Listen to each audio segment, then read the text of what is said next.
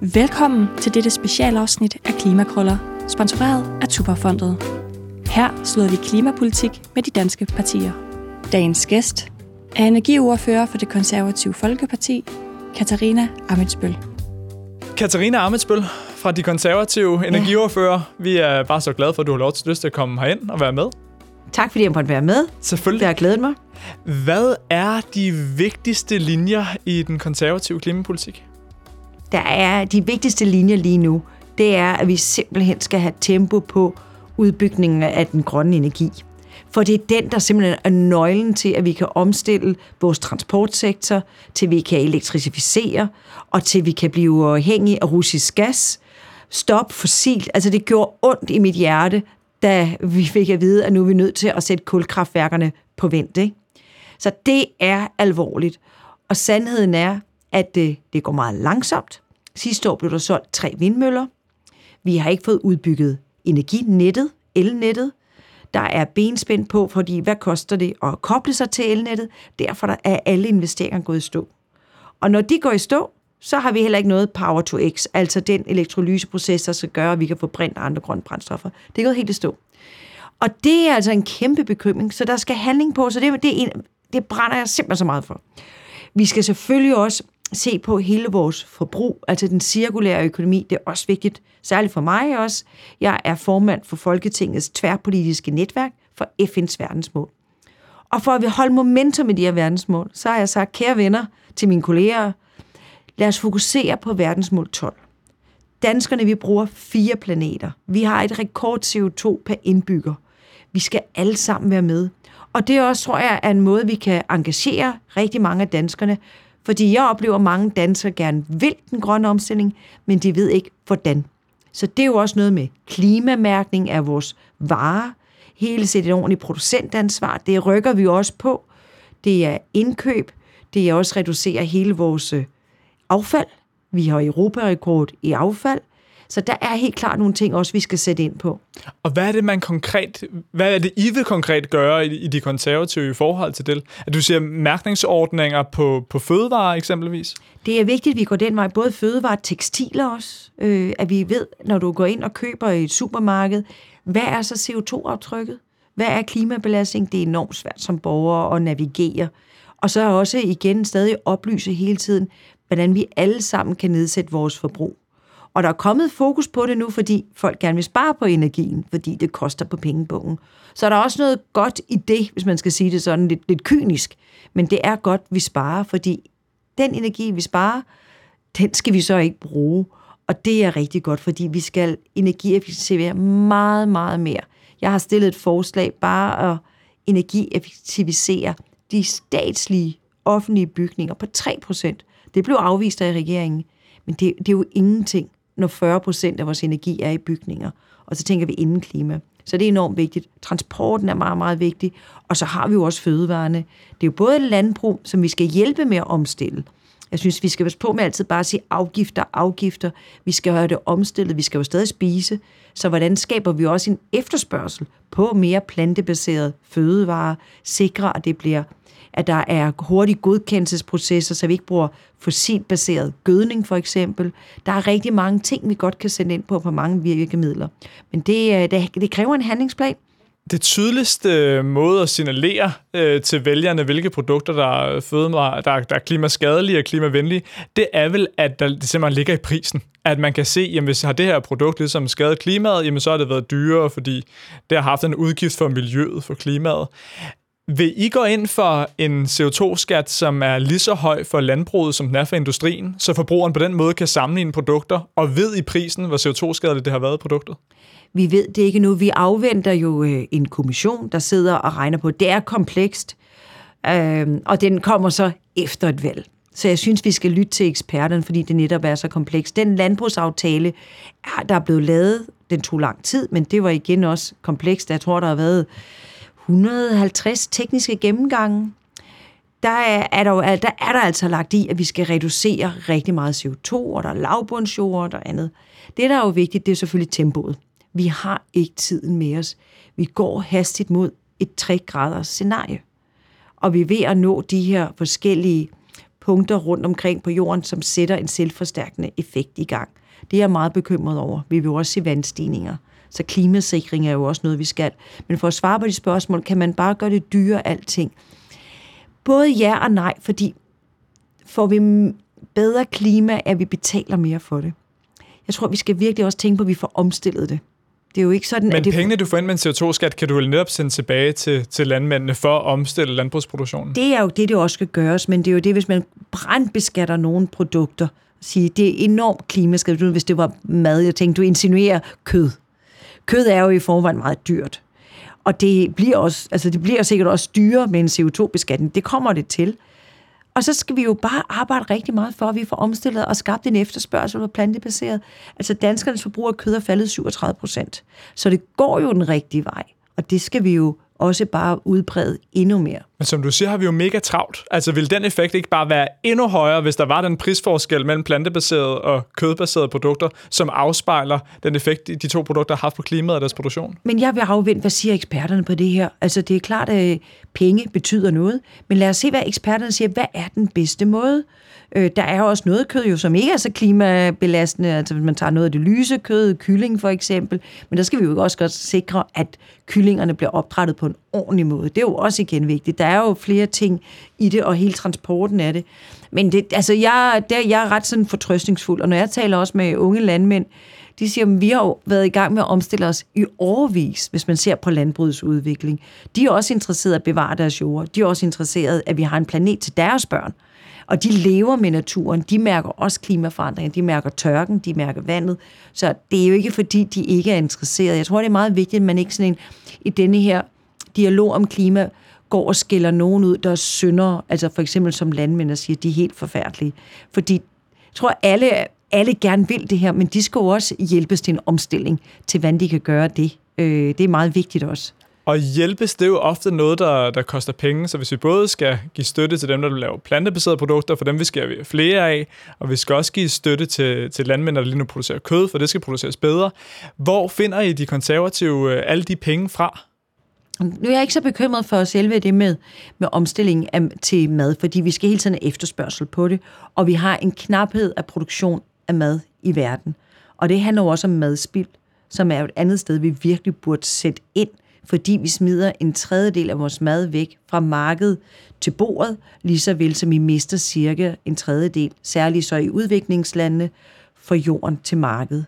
Og det står for 6, det er jo den, det er verdens 6. største CO2-udleder. Der er jo ikke sindssygt meget mad, og det skal vi jo have taget hånd på. Men vi skal det allerstørste madspil, det er vel i virkeligheden, at vi giver fødevarer til dyrene, som så ligesom brænder 10-90% af kalorierne af, eller efter hvilket dyr det er, vi taler om. Jeg tænker, hvis vi ikke gjorde det, hvis vi generelt spiste flere planter, fordi at, at kød ligesom kostede det, som det har kostet for klimaet, jamen så ville vi jo have mad nok. Man vil, jeg tror ikke, man vil have mad nok som sådan. Vi skal jo hele tiden udvikle og gøre det mere. Det er klart, at, altså, at kød og dyr, de bruger mere planter, på den måde. Men hvis du spørger rundt, om man helt vil opgive, at vi alle sammen skal vegetar, det kommer man jo aldrig igennem med. Men det, at man får reduceret sit kødforbrug, det bliver produceret på en meget mere bæredygtig, klimavenlig måde. Det bliver det rigtige. Jeg var til debat her forleden dag. Også en masse unge mennesker. Alle sammen grønne organisationer. Og var lidt sådan, hvordan kan en borgerlig være grøn? Og så spurgte jeg dem, hvem af jer spiser kød? Og så var der altså over en tredjedel, over halvdelen i hvert fald, der rækte hånden op jeg kan sige, at jeg spiser selv ikke kød. Så, øh, og Connie Hedegaard kom fra jeres parti. Det skal I jo det altid have en klapsalve for. Det, det skal man det. også lige huske. Og øh, det er det nemlig. Og det er grunden til, at man kan være borgerlig og grøn, det er jo netop fordi, for vores er det meget vigtigt, at vi også ser en markedsdrevet udvikling. Det er der, hvor de store muskler er. Jeg tror, vi har taget lidt fejl, og det kan vi jo også se, at vi tror altid, at det kan statsstyres. Og det blev virkelig min... Øh, aha-oplevelse, fordi vi sad med de her kopforhandlinger hele tiden, da jeg sad i mit tidligere job i Udenrigsministeriet. Vi sad med kopforhandlinger og kopforhandlinger. Og det var jo igen den ene efter den anden. Og det, jeg kunne se, politikere og andre og embedsfolk gik ind i et rum, lavede nye regler, og så tror de, at resten af verden ændrer sig. Men hvis COP-forhandlingerne havde hjulpet, så havde vi jo ikke stået i de her problemer, vi havde i dag. Og derfor så var jeg med, vi var også i sin tid med til at starte noget, der hedder Global Green Growth. Og der gik det jo virkelig op for mig. Vi skal jo have investorerne, vi skal have teknologien, vi skal have virksomhederne med, for det er jo her, vi virkelig kan skalere ting. Vi får aldrig udbygget Power to X, hvis vi prøver at, at detaljstyre det statsligt. Det bliver alt, alt for dyrt, og vi får slet ikke skaleret det i den fart, vi har. Og der er altså en anden vinkel, og jeg har selv nu også arbejdet i en stor privat virksomhed for at lære om det. Og der er en kæmpe forskel, tror jeg, om man er konservativ og borgerlig, eller om du er på venstrefløjen, for de har sådan en foragt for den private sektor. Så at det er så dogmatisk, jeg bliver, jeg, jeg, og jeg er dybt forundret over det. Altså, at de sådan udskiller på den private sektor hele tiden, når man ved bare, at iværksættere og store virksomheder, de kører bare grønt, grønt, grønt, og de kører meget hurtigere, de fleste af dem, end Christiansborg. Jeg tror stadig lige, jeg skal forstå, hvis det ikke er pisken, I vil bruge på landbruget. Hvis det ikke er, fordi I tænker, jamen de skal klart have samme CO2-skat som resten af industrien. Du siger, I afventer lige svare yeah. gruppen og, og hvad de, de kom frem til. Men hvis det ikke nødvendigvis er pisken, og hvis det heller ikke nødvendigvis er en gulderod, at de skal begynde at have statslig støtte til omlægningen, hvordan er det så, at det skal lykkes? Jamen, det, det skal jo være både og, men jeg kan ikke gå ned i detaljer og sige, hvor meget pisk det skal være. Altså, jeg siger, der kommer en CO2-beskatning. Lad os afvente det Det må jo ligesom være den der ja, pis, det lyder, men altså den der, der virkelig skal skubbe omstilling hurtigt i gang, ikke? og der bliver en belastning, CO2-belastning, og det er det, vi skal have. Og det er jo også vigtigt, for at få det rullet ud i et EU-regi, fordi vi skal have ensartet, ensartet markedsvilkår. Det er også vigtigt for afsætning af vores landbrugsvarer. Og derfor så skal der også et incitament til det. Og der er jo afsat midler i den landbrugsaftale. Der er jo penge med. Så vi har jo sat nogle penge af Men til nogle af pengene, de er meget små. Eksempelvis Plantefonden der, som øh, mange partier er meget glade for. Det er jo sådan 675 millioner, der skal strække til 2030. Ja, det er jo ikke det, så imponerende. Der er, der er mange af de her ting, der jo ikke er ambitiøse nok. Vi var jo ikke, vi pressede jo på. Vi synes jo ikke, landbrugsaftalen var ambitiøs nok. Jeg synes jo, regeringen ikke har prioriteret rigtigt på Power to X, som jeg går tilbage til, fordi vi, er, vi halter så meget bagud. Der er ikke etableret noget i de sidste tre år en lille bitte aftale på 1,2 milliarder, og der er ikke afsat noget til etableringsstøtte. Jeg har sådan, jamen come on. Jamen, der, de er bange for, at der kommer mange Power to X-anlæg. Altså, jeg kan ikke se nogen. Jeg ved ikke, om du har set nogen. Men øh, så synes jeg da godt, at vi kan sætte noget i gang med et etableringsstøtte. Der skal jo ligesom, kan man sige, en seed capital til at gå i gang, ikke? eller til en omstilling. Og det skal vi jo se på. Men heldigvis er vi jo med i alle de her brede forlig, og det skal vi jo huske. 80-90 procent af aftalerne i Folketinget er brede forlig, og det betyder, at hvis der nu kommer en ny regering, så kan vi tage det op igen. Det lyder super godt. Hvor mange millioner ton forventer du, at I vil finde i de konservative i landbruget? Altså regeringen, de siger jo, de har den her manko på 5 millioner ton CO2 for at, at nå 70% målsætningen, i hvert fald på planlægningsstadiet. Hvor mange millioner ton vil I finde i de konservative, bare så vi er sikre på, at, at uanset hvad svarer arbejdsgruppen kommer tilbage det, med? Vi har jo lagt det frem, og de også de aftaler, der er med, med CO2, og hvor meget der kan findes. Så lad os nu i afvente. Der er dels fundet i, vores, øh, i det katalog, der er lavet sådan en klimaplan nu, ikke? og der står det helt præcist. Og jeg sidder ikke med landbrug selv. Altså, jeg er ikke landbrugsordfører eller miljøordfører, så det vil også sige, jeg er ikke nede i detaljen fuldstændig på det. Men vi bakker jo fuldstændig op om de målsætninger, der er, fordi der er vi med og bakker helt op øh, som et bredt forlig. Så lad os tage de helt øh, store linjer, for det er, jo, ja. det er jo helt fair. Er det rigtigt forstået på jeres skattelettelsesplan, at de 2,5 milliarder kroner fra det samlede finanspolitiske råderum, som regeringen har sat af til grønne initiativer, det såkaldt grønne råderum på 2,5 milliarder kroner ud det samlede 48, er det ligesom, er det skrottet hos jer? For det virker som om, det indgår i jeres skattelettelsesplan i stedet for, så ikke længere er dedikeret til grønne investeringer. Nej, vi har ikke skrottet noget grønt. Vi har lavet en økonomisk plan for generelt at sænke øh, skatten på flere områder, også arbejdsmobiltelefoner for eksempel, vi vil rulle Arne-pensionen tilbage. Der er de her ting, vi vil rulle tilbage. Arne-pension, nogle af de 40 skatte- og afgiftsstigninger, som regeringen har indført over de sidste tre år. Men det er jo heller ikke for at tale uh, skattepolitik generelt. Det grønne, det er ikke et grønt råderum. Vi har også lavet en, vi har faktisk en uh, finanslov også for sidste år, hvor vi har også afsat midler til grønne, og vi har jo dedikeret dem i alle de grønne aftaler. Så der er vi jo med i alt det. Men det finanspolitiske råderum, det er jo de penge, der ikke nu er sat af på, på aftaler. Det er jo dem, I bruger, når I eksempelvis øh, laver nye aftaler, hvor skal bruges nogle penge, så tager I fra det finanspolitiske råderum, med mindre I finder pengene andre steder. Og der er det bare, at regeringen relativt uambitiøst har sat 2,5 ud af de årlige 48 milliarder, der er i det finanspolitiske råderum i 2030. Det giver i alt øh, 53,5 milliarder frem mod 2040. Men de virker som om, de er væk hos jer? Altså, hvor meget af det finanspolitiske rådrum på 48 milliarder kroner vil I dedikere til grønne vi har jo, initiativer? ikke- det er jo ikke, vi har lavet en økonomisk plan. Det er jo ikke, det er ikke vores finanspolitiske udspil. Vi har lavet en økonomisk plan for at sænke skatten. Og det er jo den, vi har, vi har sænket skatten her med 87 milliarder, og vi får det finansieret over 92 milliarder. Der har vi ikke taget noget omkring råderum, eller det, er jo ø- det grønne råderum. Nej, vi har set, hvad der er af politikker, og hvad vi kan lave om på, på at sænke skatten for borgerne og for erhvervslivet, så det bliver billigere at være dansker. Ja, for jeg tror, at 53 af de milliarder, I bruger på skattelettelser, det, der stod bare, at de kom fra råderummet, altså fra det finanspolitiske råderum. Nej, jeg har planen her også. Men ved du, bare roligt at kigge, for jeg vil ikke sprede et budskab, der er forkert. Det, det er altså ikke korrekt, at vi har taget 53 milliarder fra råderummet. Vi er enige om, det er den, der hedder en sund økonomi med finansieret skattelettelser og råd til velfærd. En langsigtet og fuldt finansieret skatteplan. Øhm, Det er den der oversigt, der er nede på sidste side i dokumentet. Øh, den så hedder oversigt over initiativer og finansiering. Så det er den rigtige. Ja.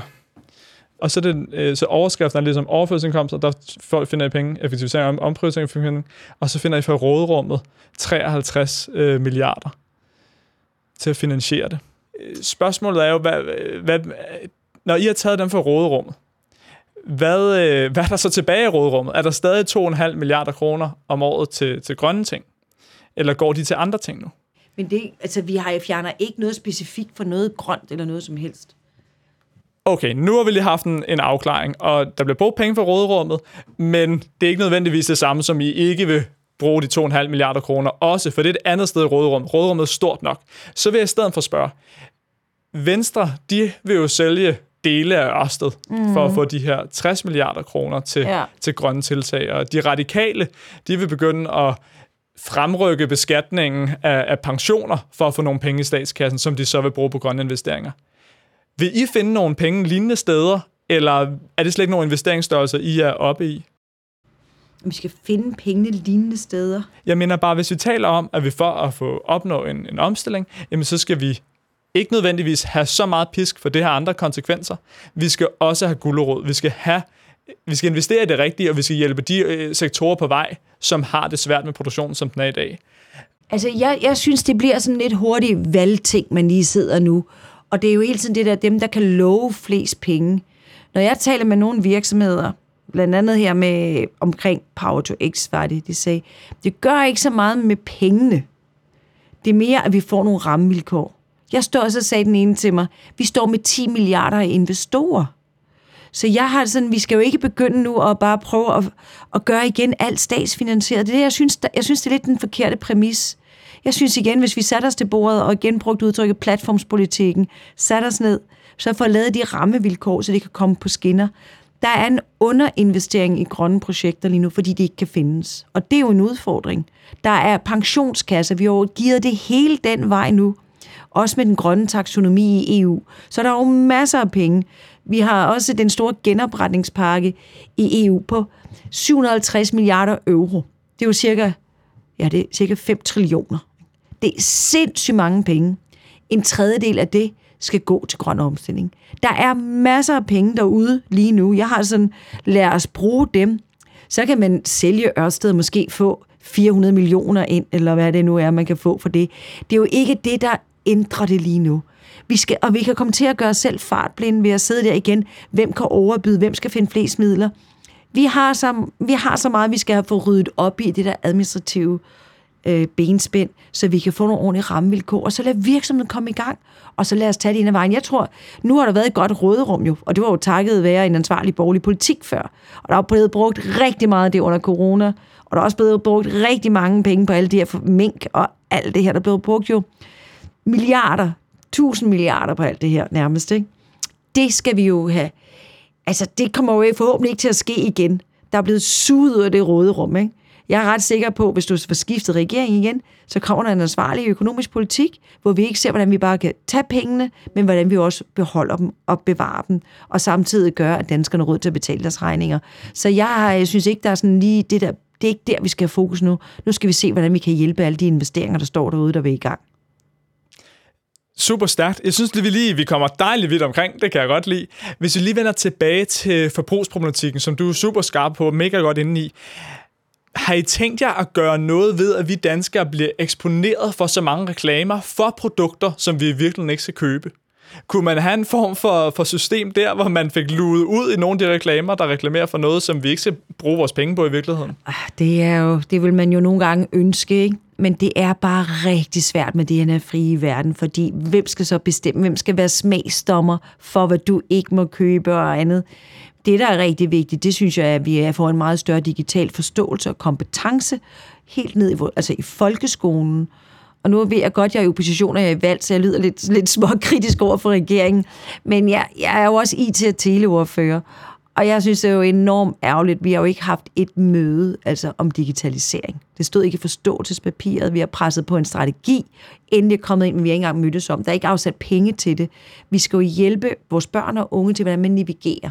Hvordan du fjerner cookies. Hvordan er det, du slår ting fra, så når du har set på et eller andet, at du ikke lige pludselig får fem reklamer. Fordi reklameverdenen nu er skiftet om at blive online og optimerer jo de der algoritmer kan vi som borgere jo slet ikke sætte os ind i. Så for at svare på dit spørgsmål, vi kan ikke begynde at lave smagsdommer og sige nogle produkter, vi ikke må. Men, men det vi skal jo, det er jo hele tiden at stille krav til de produkter. De skal leve op til Paris-aftalen, det skal være grønne handelsaftaler, der skal være CO2-afgifter, og vi skulle gerne øge det her med klima, øh, klima øh, hvad det hedder, certifikater på vores produkter. Der er et stykke vej nu, for det kræver nærmest en hel blockchain, altså hele vejen ned igennem leverandørkæden, og især mindre virksomheder har svært ved det at regne ud. Det var nemt, når jeg sad i en stor virksomhed. Vi kunne lave CO2 hele tiden aftryk på alt. Det spurgte de store kunder om. Men når man skal længere ned i værdikæden, så bliver det sværere. Men det rykker, og jeg tror altså, det kommer forhåbentlig til at se snart. Og jeg, vil da, jeg glæder mig til den dag, at jeg på en app bare kan gå ind og scanne på en QR-kode, vaskepulver, hvad det er, og sige, ups, hvad er CO2, klima? Selvfølgelig også den anden bundlinje, er det produceret ordentligt med ordentlige menneskerettigheder og arbejdsforhold. Så siger jeg, klik, det tager jeg. Det andet, nej, det tager jeg ikke. Så kunne man have sådan en rating fra 1 til 5, ikke? og sige, hvordan det balancerer. Det er mit drømmescenarie. Det håber jeg ser en dag. Og et sted, man i hvert fald også ville kunne, kunne starte rent politisk, det er promilleafgiftsfondene, som lige nu 2021, der gav de 25 millioner kroner i støtte til reklamer for kød- og mejeriprodukter, og kun 5 millioner kroner i støtte til plantebaserede produkter. Så der, hvor staten også finansierer reklamer, det ville nok være et godt sted at starte. Det kunne man sige, og jeg er også meget efter øh, SKI, altså Statens Indkøbscentral andet, altså staten skal holde for. De har en kæmpe muskel i at indkøbe, og har købt altså computer, Lenovo computer, der er produceret af, af tvangsarbejde for, for, for øhm, af Uyghur, ikke?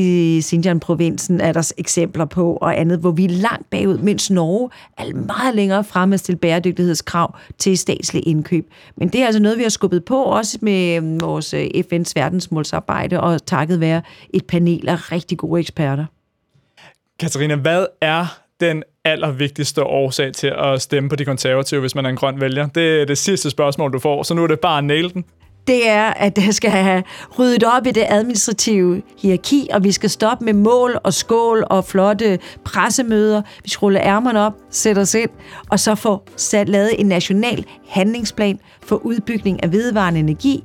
Hvor meget, hvor og hvordan, og hvordan skal vi øh, tage hånd om lokalsamfundene, og så skal vi sikre vores forsyning og få sænket energiafgifterne. Stærkt. Og så, ja. Det var en fornøjelse, at du ville komme herind. Selv tak.